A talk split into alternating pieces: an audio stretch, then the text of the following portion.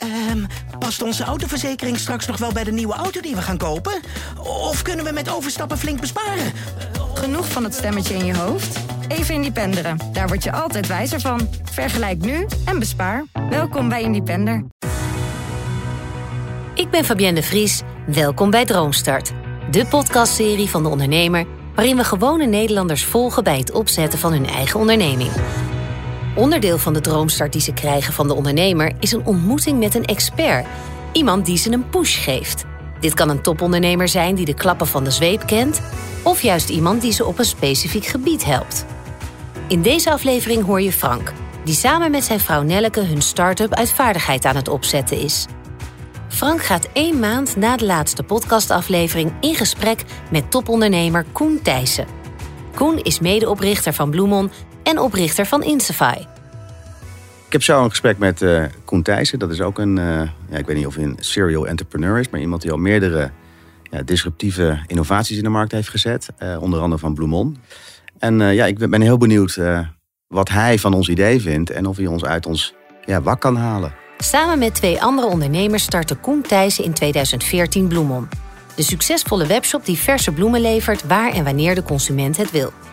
Toen Koen bij het opstarten van Bloemon zijn bedrijf wilde verzekeren, liep hij aan tegen de trage en vooral bureaucratische verzekeringsmarkt. Dat moest volgens hem echt anders. En daarom richtte hij Insafy op.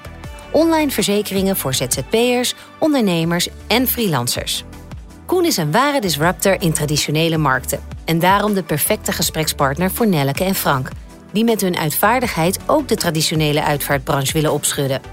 Frank ontmoet Koen in de Droomstart studio van de ondernemer en bracht een whiteboard met daarop zijn uitgewerkte lean canvas mee. Frank wint er geen doekjes om en vraagt Koen gelijk op de man af. Ik kan me niet anders voorstellen dat jullie ook een keer nou ja, vastliepen zo van... is dit nou wel zo'n goede oplossing voor een probleem wat er niet bestaat? Ik denk, kijk, uiteindelijk, je start een bedrijf uh, uh, altijd vanuit een bepaalde overtuiging die je mm. ergens op hebt. Dus je hebt iets gezien in de markt en daar, voelt, daar zit iets in dat gewoon niet lekker voelt. Dat, dat, dat, dat voel je gewoon ja. alles. Ja. In het geval van Insify, als jij ooit vanuit een bedrijf een verzekering hebt afgesloten, dan weet je, daar klopt hier iets gewoon niet. Dit moet er anders kunnen. Het moet anders kunnen. En op het moment dat je dat voelt en die overtuiging hebt, dan wordt het veel meer een plaatje van oké, welk businessmodel krijg ik daar dan op, op geplaatst en op geplakt. En wij hebben eigenlijk een paar dingen toen op een rijtje gezet. En, en toen werd het vrij snel duidelijk wat ging werken. Hm. Dus het was wat wij op dat moment hadden bij de start van Insify. Dachten we, oké, we kunnen een vergelijker bouwen. We kunnen ehm, een, een, mooi jasje om bestaande verzekeringen heen, uh, heen doen. Of we kunnen onze eigen producten gaan ontwikkelen. Die laatste is wel veel complexer. Maar dan ga je eigenlijk met plusjes en minnetjes vergelijken en ook nadenken over je frustratie. In, in ons geval was heel erg van ja, weet je, de, de sector is intransparant, aanvraagprocessen duren mhm. anderhalve maand. En als het puntje bij paaltje komt, heb je eigenlijk nooit de dekking die je, die je verwacht. Dus wat wil ik doen? Ik wil het uh, simpel, snel en eerlijk maken. Mhm. Eh, simpel betekent begrijpelijke taal, helder wat je wel niet krijgt. Maar ook simpel om, om af te sluiten, zodat het gewoon voor iedereen begrijpelijk is. tweede was snel. Dus ja, je gaat niet anderhalve maand zitten wachten op, uh, op iets als een verzekering. Dat moet gewoon alle minuut geregeld zijn. Mhm. En het derde was, ja, het moet eerlijker. Dus met andere woorden, er moet meer uh, geld terug naar de verzekerder. Of uh, verzekeringen moeten goedkoper worden.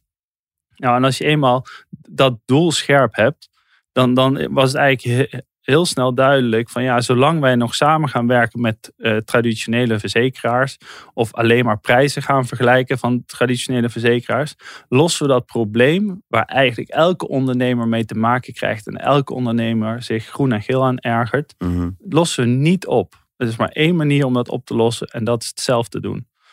Eigen nou, product. Ja, dus de derde optie. Ja. En dus als je eenmaal dat uh, kunt zeggen van nou, uh, optie 1 en 2 wordt het niet eigen product, dat gaan we doen. Mhm. Dan kun je eigenlijk gaan zeggen, oké, wat staat er nu nog tussen mij en de eerste klant een eigen product uh, de barrière. Uh, verkopen. En dan komt er eigenlijk gewoon een hele lijst do's uit. En dan begin je gewoon ja, onderaan of bovenaan dat lijstje. En dan begin je gewoon weg te werken totdat je die eerste klant een verzekering aan kunt bieden. En dat is eigenlijk veel makkelijker, want dan heb je meer ja, een to-do-lijstje wat je aan het afwerken bent. Ehm, het nadeel is dan wel, uiteindelijk ben je dan met een bepaald bedrijf in de markt, met een bepaald businessmodel. Als het dan niet blijkt te werken, ja, dan eh, heb je heel veel moeite voor niets gedaan. Maar dit is eigenlijk een beetje wat ik een paar weken terug wilde doen. Joh, laten we gewoon beginnen. Ik denk Ja. dat het heel goed is. Mhm. Wat is er voor nodig om je eerste klant eh, te bedienen? Ik denk dat dat, een, eh, dat nog een veel belangrijkere vraag is. Ja. En vanaf daar begin je te leren. Want dan heb je die, die klant geholpen. En dan zegt die klant eh, achteraf tegen jou van nou, eh, deze zaken vond, vond ik geweldig. Ja. En, en, en deze zaken zou ik anders willen, willen zien. Ja, ja, of ehm, Ja. hoe ik het eigenlijk altijd aanpak als ik kijk naar wat, wat, ik, wat ik op het whiteboard zie staan. Mm. Eh, zowel Bloemon als Insify zijn modellen waar je investeringen voor nodig hebt om van de grond te komen. Dus ik, ik ben ook vaak in een vroeg stadium al aan het nadenken van ja, van hoe leg ik nou een investeerder uit dat dit een goed idee is. En Mhm. dat eh, uiteindelijk het aantrekkelijk is om eh, hier geld in te stoppen. Ehm, en eigenlijk als je erover nadenkt, dat is niet anders dan wanneer je je eerste werknemer aantrekt. Die gaat misschien al iets waardevollers eh, daarin stoppen, namelijk zijn tijd. Geld kun je altijd opnieuw verdienen, maar tijd geef je maar één keer uit. Dus als iemand, je eerste werknemer die bereid is zijn eh, deel van zijn carrière bij jou te besteden, dat is in feite ook een, een bepaald verkoopproces. Net als die eerste klant, die ben je eigenlijk ook aan het vertellen over, ehm, over de elementen die in zo'n eh, zo'n pitch staan voor een investeerder. Maar ja, ook wat ik bij jou daar op het whiteboard zie, eh, eh, zie staan Ja, wat goed. Ja. Dan breng je dat eigenlijk terug naar. eh, terwijl op dat whiteboard staan eigenlijk allerlei thema's en ideeën. Ja. Maar dan breng je het eigenlijk terug naar één logisch en coherent verhaal. Wat je iemand in, in, in vijf of tien minuten kunt, eh, kunt uitleggen. En die, die dan zegt van oké, ja, hier ga ik mijn tijd aan besteden. Of hier ga ik wel geld in stoppen. Of eh, nou, van deze dienst wil ik wel gebruik maken. Goed hoor, ja. ja. Nou, ik heb lekker mee lopen schrijven en ik ga dat vanavond met Nelleke bespreken. Maar word er wel blij van eigenlijk. Ik heb wel zoiets van, ja, weet je, je wat we eigenlijk nodig hadden is weer even een, een blik op de toekomst. Van joh, zet die stap weer even. Hè? En, en, en dat heb ik wel echt uit dit gesprek gehaald. Van ja, laat ik het gewoon gaan doen. En dat betekent dus doen. Ga, gewoon inderdaad, wat je zegt, die eerste klant, die eerste investeerder, de eerste medewerker. Ja. Wat zou het in jouw geval eh, betekenen? Nou, een van de andere vragen, eh, ik geef zo antwoord hoor, maar een van de andere vragen is, je ziet in het buitenland zie je een aantal van deze concepten al, eh, met name in eh, Engelstalige landen, zie je al best wel, nou ja, we, we kunnen zien dat daar gewoon geld achter zit. Een van de opties die we ook hebben overwogen is van, kunnen we nou niet een lijntje leggen met bijvoorbeeld die partij in Amerika of in Engeland en zeggen zo van, joh, wij zijn in Nederland een beetje begonnen, kunnen we niet een soort van samenwerking aangaan? Heb jij dat wel eens overwogen voor jouw proposities? Dat je dacht van, joh, waarom ga ik niet met een partij in, nou ja, noem het maar, eh, het gesprek aan? En, en, en waarom zou je met ze samenwerken? Nou, eh, eh, om- omdat wij ook wel doorhebben dat het heel veel werk is. En het voordeel is dan, er is al een bestaand platform in Amerika bijvoorbeeld. Dat is alleen maar beschikbaar in het Engels. Nou ja, maak het in het Nederlands beschikbaar Ja. hier. Weet je wel? Dat je denkt van, hergebruik wat er al is. Ja. En ja, beter goed gejat dan slecht verzonnen. Maar eh, da- dat zou dan ook mijn antwoord zijn. Beter goed gejat dan, eh, dan, dan slecht verzonnen. Het is eigenlijk prachtig als je zegt van ja, ik zit eigenlijk met al deze thema's. En er is eigenlijk iemand in Amerika waar je het van af kunt kijken. Albert Heijn heeft de supermarkt ook niet uitgevonden. Nee, nee, nee. Ik bedoel, dat maakt het allemaal een stuk makkelijker. Maar zeg jij dan, kijk het goed af en maak het beter? Of leg het lijntje en, en kijk of er iets eh, in, een, in, een, in een vorm van een partnerschap is af te spreken of wat dan ook? Of wat zou, wat zou jij doen? Nou, kijk, ik denk dat een partnerschap veel makkelijker is als je zelf ook iets te, in te brengen hebt. Ja. Naast eh, eh, hard werken en, eh, en overtuiging. Dus dat wordt makkelijker op het moment dat je zegt van nou, ik heb bijvoorbeeld al klanten of ik heb al tractie. Dus ik zou in deze fase kijken of je zelf van de, van de grond kunt, eh, kunt komen. En je kunt dan altijd op het moment dat je zegt van nou, ik heb wel tractie en mensen zijn enthousiast en, eh, en mensen komen ook terug. Al is dit in dit model wat, wat lastig. Ja, ja, ja, ja, dat, is, eh, dat zou eh, heel raar zijn inderdaad. Ik dat zou het model wel ik heel gek maken. Ja, maar, Afterlife, ja. Maar als je, als je dat hebt, dan is dat, is dat veel makkelijker dat, eh, dat, dat gesprek aan te gaan. Ja, dat is een goeie. Eh, ja. Want ja, dan ben je ook aantrekkelijk voor die partij uit Amerika, die dan misschien via jou. eh, ja, een, een Ja, nu eerste- heb je nog niks te ja. bieden. Dat is feitelijk wat je zegt. Ja, ja. Met Bloemon dachten wij heel erg van ja, hoe kunnen we nou zorgen dat we dat eerste bosje bloemen kunnen, kunnen uitleveren. hè? Als we eenmaal die klant hebben, dan begint de feedback te draaien. En, en vanaf daar kunnen we, kunnen stappen maken. Dat gebeurt eigenlijk ook zo. En, en toen zagen we op een gegeven moment, ik denk dat we de eerste 200 klanten op een Google Sheet hebben, hebben bediend. Uh, en zelf de bloemen nog rond hebben gebracht. En toen is het al heel goed van oké, hier hebben we product market fit. En dan wordt het makkelijker ook om daar steeds meer en meer tijd in te, in te investeren. En, en, en, ja, en van, als je dan kijkt naar die modellen die, die je voor je hebt, wat, ja, wat is dan meest laagdrempelig om een klant te, te helpen? Nou ja, de, de, zeg maar, de, de, de laagste in de hiërarchie is natuurlijk de gesprekstoel. Dat, dat is relatief het makkelijkste. Dat eh, heeft ook in die zin weinig onderhoud nodig. Heb je niet te maken met, met provisie en commissie en alle afspraken aan, aan de achterkant.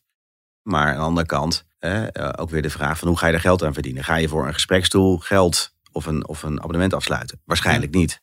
Ja. Uh, dus die, die heeft in die zin ook ja, te weinig potentieel, denk ik.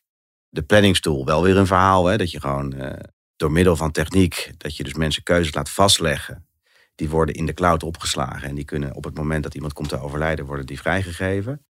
Daar betaal je waarschijnlijk wel voor. Al is het wel zo, ook in die uh, probleminterviews, dat mensen zeggen: ja, ik weet niet wat het waard is. En ik weet dat dat officieel was, dat niet de vraag voor de, voor de probleminterviews. Maar hè, dan krijg je wel het gevoel dat mensen niet bereid zijn om daar heel veel geld voor neer te leggen. Het interessante is wel dat mensen achteraf, als ik een paar keer gedoe heb meegemaakt met, een, met een begrafenis, dat wel willen. Ja. Dan zeggen ze wel, joh, ik had dat graag van tevoren willen hebben en had ik graag voor willen betalen. Maar goed, dat, dat is een probleem dat kunnen we misschien nog oplossen door middel van, uh, van communicatie en of marketing. Ja, en die laatste, hè, dus de, de, de Booking.com voor je laatste reis, ja, die is gewoon uh, bij vaart complex. Maar wat maakt die uh, zo complex in jouw, uh, jouw, jouw optiek? Nou, dat heeft, dat heeft volgens mij alleen maar zin als je zo volledig mogelijk kan zijn in je keuzes die je aanbiedt. En dan, dan willen we ook alles kunnen aanbieden. Of daarin moeten we een, keuzes maken, een aantal keuzes maken. Maar dan, dan wil je niet zo dat. en dan moeten er ook redenen zijn dat mensen jouw tool gaan gebruiken. En niet, uh, wat is natuurlijk het, het nadeel uh, van, van, van eenmalig doodgaan, uh, zeg maar als businessmodel, dat je nou die tool gebruikt om even te oriënteren en dat je uiteindelijk gaat googlen en die mensen direct gaat benaderen. Dus dan moet er een, een reden zijn waarom ze via jou alles gaan afsluiten. Mm -hmm. Anders maak je geen geld. Ja. Dat in het geval van bloemen, dat je, dat je nou, ziet waar die bloemen vandaan komen, dat je, ik noem maar wat, dat je direct gaat bellen. Dat wil je natuurlijk voorkomen. Er moet meerwaarde zitten in het gebruik van de tool. Ja. Uh, dat betekent dat je die meerwaarde ook moet bieden. Ja. Dan moet je zorgen dat de content dat die klopt, dat die actueel is. Uh, het is grappig wat je zegt. Eigenlijk, net vroeg ik je van wat is nou het meest aantrekkelijke model? En toen kreeg ik het idee van je neigt eigenlijk het meest naar het Booking.com model. Maar, maar dan gaan we kijken naar van oké, okay, hoe starten we? En het is ook meteen het meest complexe mm -hmm. model om te starten. En dat ja. is eigenlijk mooi, want als je dan eenmaal gestart hebt, ja, dan komt ook niemand meer achter je aan. Dan heb je iets neergezet en dan wordt het lastig te imiteren. De, de vraag is alleen, wat is dan je startpunt? En volgens mij is zelfs het, het Booking.com model nog wel eens een stukje uit te kleden dat het behapbaar uh, wordt. Hoe zou je dat dan doen? Bepaalde regio uitkiezen of zo? Of, uh, dat je... Uh, met, met Bloemon zijn we, zijn we direct landelijk gegaan met Insafari Nederland gestart ook. maar als je kijkt naar Booking.com, die historie was voor zakenreizigers uit Amerika naar Amsterdam. Ja. En vervolgens gingen die reizigers, die vonden dat platform wel handig. Nou, Ja. Dan volg je je klant naar ook die andere steden toe. Eh, en zo gaat dat, dat vliegwiel draaien. Maar dat was niet met één klap alle hotels Oh, nee, ter wereld nee, op, het, nee. op het platform. Dat hoef je ook niet te hebben. Als je, als je de eerste bent. Kijk, als je nu wil concurreren met Booking.com, nou, dan, dan heb je aardig wat, eh, wat nodig. Maar dan wordt het, en het mooie is de technologie van, van marketplaces, die is ook steeds beter in te kopen. Dus je hoeft hem niet helemaal zelf meer, eh, meer, meer te ontwikkelen, want dat is gewoon een, ja, een businessmodel wat, wat wel bestaat. Ja. Wat, eh, wat de uitdaging is, ja, welke regio heeft, een, eh, heeft zo'n groot pijnpunt Ja, dat je ja, met, een, met een bepaald assortiment daar ineens doorheen kunt breken. Ja, ja. In één keer relevant kunt zijn. Ja, maar wat je, wat je feitelijk zegt van, van maak een keuze, baken het af. En zorg dat je, dat, je, dat je focus aanbrengt in je propositie. En dat kan dus nou, geografisch zijn of qua propositie. En begin gewoon. Ja. Je vat het mooier samen dan dat ik het kan zeggen, maar daar, daar komt het wel op neer, ja. Nou, ik, eh, hier heb ik wat aan, Koen. Dankjewel. Hey, we, we kennen jou van, van Bloemon. Daarna ben je Insify begonnen. Eh, leg even uit, hoe, hoe kwam je daar zo bij? Want ik, ja, ik vind het wel interessant. Ik zie heel veel raakvlakken met onze propositie. Maar vertel, hoe kwam dat? Ja, bij, bij Bloemon ehm, kwam ik eigenlijk voor het eerst in aanraking met uh, wat betekent om je bedrijf te verzekeren. En ik was tot dan toe eigenlijk al alleen als consument uh, gewend om dat te moeten doen. En als consument was ik eigenlijk best wel tevreden. En ik ben uh, ja, een, een, digitale ondernemer. Hè. Ons, bij Bloemon, wij verkochten online. Dus ik wou ook mijn verzekeringen online regelen. Net als mijn bankzaken. En toen kwam ik eigenlijk achter dat dat niet werkte. Er moest een adviseur langskomen. Nou, dat vond ik eigenlijk al een beetje raar. Uh, en zat ik ook niet op te wachten. Want ja, als ondernemer, je, weet het zelf, uh, Frank, je bent gewoon super druk. Maar goed, dus er kwam een adviseur langs die eh, voor drie koppen koffie, een lang gesprek van anderhalf uur. En eigenlijk onder het voorwendsel van advies werden mij daar verzekeringen verkocht. En dat was eigenlijk tot daar toe. Uh, maar vervolgens kwamen er letterlijk per, per e-mail kwamen er allerlei pdf's binnen. Die moesten dan uitprinten, invullen. Voor je bedrijf heb je vaak meerdere verzekeringen nodig. Gaat allemaal via verschillende verzekeraars. Dus ongeveer hetzelfde formulier drie, vier keer moeten invullen. Uh, ondertekenen, natte handtekeningen erop, terugsturen. En dan duurde het letterlijk anderhalve maand voordat ik uh, verzekerd was als, als bedrijf. En dat vond ik zo gek. Wij deden bij Bloemon alles om onze klanten tevreden te, te maken. En heel snel te zijn als er iets was op de customer support. En deze verzekeraars die permitteerden het gewoon om anderhalve maand na te denken over een simpele aanvraag. Terwijl ik dacht, ja, kan toch niet het eerste bedrijf zijn wat zich hier wil, ja, wil verzekeren. Hoe kan dit? Hoe kan het? Hoe kom je hier nou mee dat weg? Dat kan niet waar zijn. Maar het ergste gebeurde na, na drie jaar. Wij, waar onze onderneming groeide hard. Wij openden een nieuw kantoor. En de eerste maand dat we daar zaten, een inbraak, tien laptops gestolen. Eerste keer dat ik die verzekering nodig had. Dus we hebben claim ingediend en die claim werd afgewezen. Waarom? Omdat we waren vergeten de, de polis, het adres op de polis, te updaten. En dat vond ik conceptueel zo gek. Ben je drie jaar lang een loyale klant, betaal je elke maand stipt op tijd je premie. Maar als puntje bij paaltje komt, niet de dekking die je verwacht. En toen dacht ik van ja, hoe kun je hier als industrie mee, mee, mee wegkomen? Ja. En in Europa alleen dan gaat er 150 miljard per jaar ja. uh, in premie om aan zakelijke verzekeringen. En als het dan zo'n gigantische industrie is, dan snap ik niet dat je zo klantonvriendelijk kunt zijn. Nee. En toen dook ik daarin en toen, toen, zag ik de tien grootste verzekeraars in Europa zijn gemiddeld 186 jaar oud. Ja. Ja, en toen, toen wist ik het eigenlijk. Als je 186 jaar oud bent, ja, dan heb je 186 jaar aan, aan legacy, aan processen, uh, aan mensen, aan ja. technologie. Uh, die kunnen arrogantie, niet meer... wat dacht je daar? 186 jaar arrogantie, ja, dat ja, telt op. Ja. Je zit al 186 jaar op die troon. Ja, dat... Uh, um... Ja, maar dat is helemaal vergelijkbaar. Zo voelt het. Ja. Hey, en, en, en ben je niet bang dat je door nou, ja, die bestaande marktpartijen of wordt ingelijfd of uh, het leven moeilijk wordt gemaakt?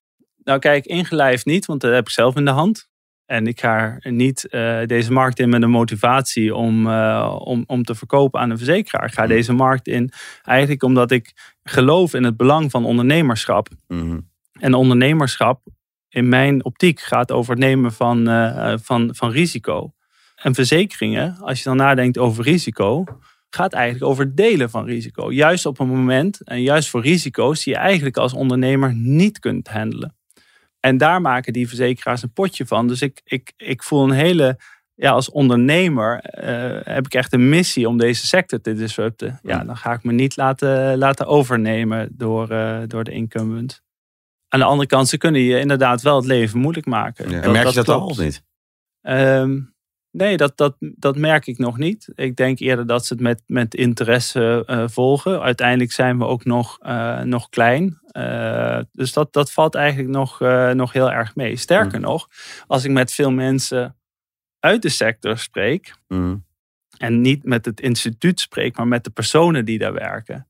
Ja, dan zeggen die ook van ja, nee, dit wordt wel eens tijd. Ja. Die kunnen zich Ja. daar wel in verplaatsen. Dat is ook het gevoel wat wij krijgen als we met mensen praten. Van ja, weet je, het, het klopt niet helemaal. Het is, het is, het is een beetje vastgeroest en eh, er is weinig ruimte voor innovaties. Dus hoe krijg je dan tractie?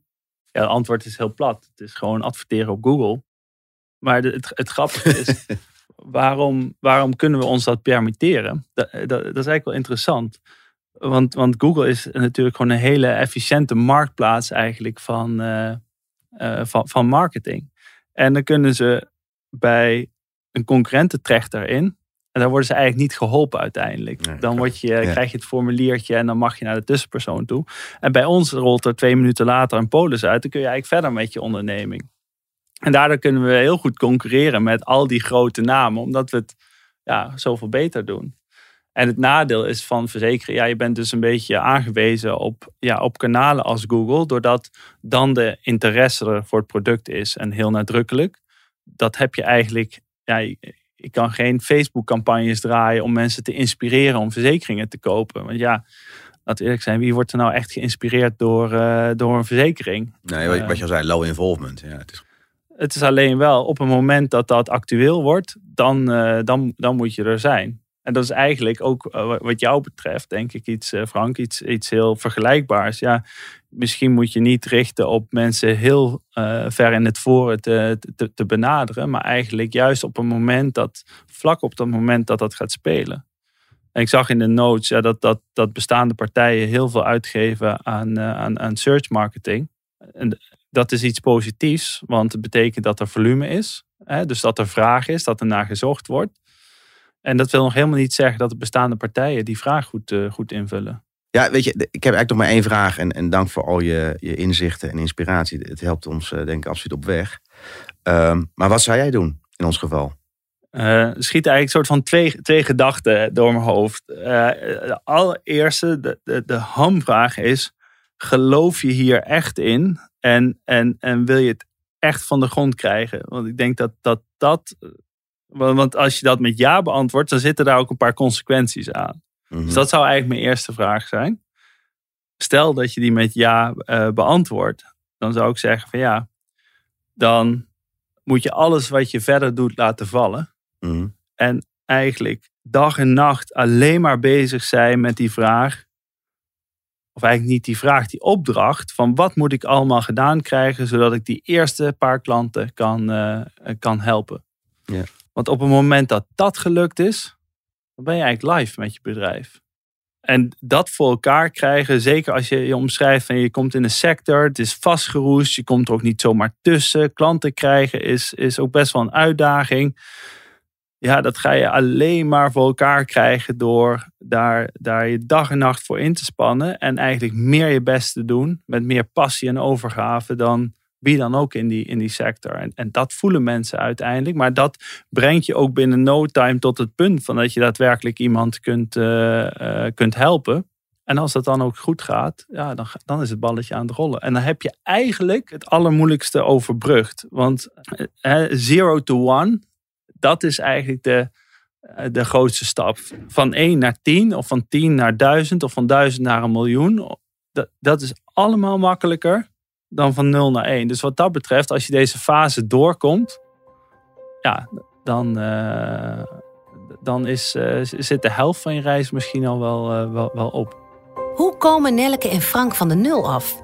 Genoeg stof om aan de keukentafel over na te denken. Wat vond Frank eigenlijk van het gesprek met Koen? Hij, hij stelde een aantal goede vragen en gaf ook een aantal goede tips. Hè. Zo van, geloof je er nou echt in en ga je dan ook echt voor? Dan ligt echt een nadruk op het woord echt. Zo van, van go for it. En ik denk dat daar een van onze uitdagingen nu zit. Hè. We hebben toen afgesproken dat we dit één dag in de week met elkaar samen zouden doen. En we merken nu al dat het bijna niet kan. Weet je, dit is niet iets wat je erbij doet. Dit, hier moet je gewoon primair voor gaan, volledig voor gaan. En da- dat vind ik een, een heel waardevol inzicht. Want uiteindelijk, ja, zoiets als dit in de markt zetten, vraagt gewoon om 100% aandacht en energie. En eh, het andere inzicht wat ik eruit heb gehaald, van ja, ga er gewoon voor. Weet je ga er, begin met iets. En desnoods maak je het kleiner of richt je op een bepaalde doelgroep. Of, maar begin gewoon. Dan weet je zeker, dan heb je iets. En dan, dan kan je ook zeggen of het wel of niet succesvol gaat zijn. En, en nu is het allemaal theorie. Ik ben heel blij dat wij al die stappen hebben gezet hè, met behulp van het Lean Canvas. Maar ik denk wel, als we doorgaan, moeten we nu zorgen dat we het ook concreet kunnen maken. En dat betekent gewoon doen. Doen, doen. Voor Koen is die twijfel die Frank en zijn vrouw Nelleke hebben herkenbaar. Ja, ik herken die twijfel in, het feit dat het, denk voor iedereen die ondernemer wil, wil worden, het allermoeilijkste is. Van niets naar iets gaan. En, en ja, dat is een proces van twijfel, een stapje vooruit, een stapje vooruit, nog meer twijfel. En heel veel mensen wagen uiteindelijk de stap niet. En een paar die, eh, die krijgen het voor elkaar en die worden echt ondernemer. Ja, ik denk iets wat, wat hem uh, kenmerkt, uh, wat je bij veel ondernemers ziet, is gewoon zien ergens een kans, zijn daarmee bezig, zijn daar enthousiast uh, over. En dan is het de, de vraag van ja, lukt het om die, om die vervolgstap te zetten? en ik denk dat hij daar enorm op aan het puzzelen is. Maar ik vertrouw erop dat als hij daar gewoon maar op door blijft gaan, dat dat vanzelf lukt. Frank zei het eigenlijk zelf al, gewoon doen. Het is vaak, ja, dat kleine dingetje van gewoon beginnen en gewoon proberen. En ook accepteren dat het misschien niet in één keer lukt, maar dan toch door blijven gaan. Dat is denk ik het allerbelangrijkste. Als ik kijk naar ondernemerschap, dan denk ik over, eh, over grit. Dat gaat eigenlijk over passie, doorzettingsvermogen en hard werk. En ik denk dat als je die drie ingrediënten consistent uh, naar, je, naar je plan brengt eigenlijk en daarmee je plan uh, probeert te lanceren, dan kom je er wel. De volgende aflevering hoor je Redouan met consumentenpsycholoog en SEO-expert Patrick Wessels. Helpt dit gesprek hem om zijn tool Convex verder te brengen? Als ondernemer kijk je daar best wel transactioneel naar. Kan ik er meer aan verdienen dan wat het kost? Ja. En dat geldt denk ik voor een tool zoals jij die wilt ontwikkelen ook. Uh, ik ben best bereid om daarvoor te betalen als ondernemer, als het mij meer oplevert. Wil je meer weten over de deelnemers of zelf aan de slag? Kijk dan op droomstart.nl voor achtergronden en de beste start-up tips. Volg Droomstart via jouw favoriete podcast-app en mis niets. Droomstart is een initiatief van de ondernemer en podcastbureau As We Speak.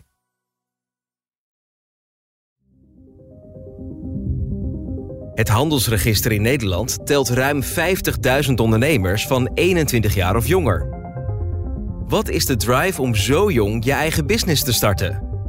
Luister nu naar seizoen 1 van de podcastserie De Jonge Ondernemer. Het bedrijf uh, groeit en groeit en groeit, maar eigenlijk al sinds het begin en ook ontzettend hard. Zes afleveringen. Zes jonge ondernemersavonturen. Maar we hebben aan die klant beloofd dat het morgen geregeld is. Dan is dat morgen geregeld. Nu in je podcast-app. Uh, we rijden al jaren schadevrij en toch stijgt de premie van onze autoverzekering elk jaar weer. Kunnen we niet eens wat besparen?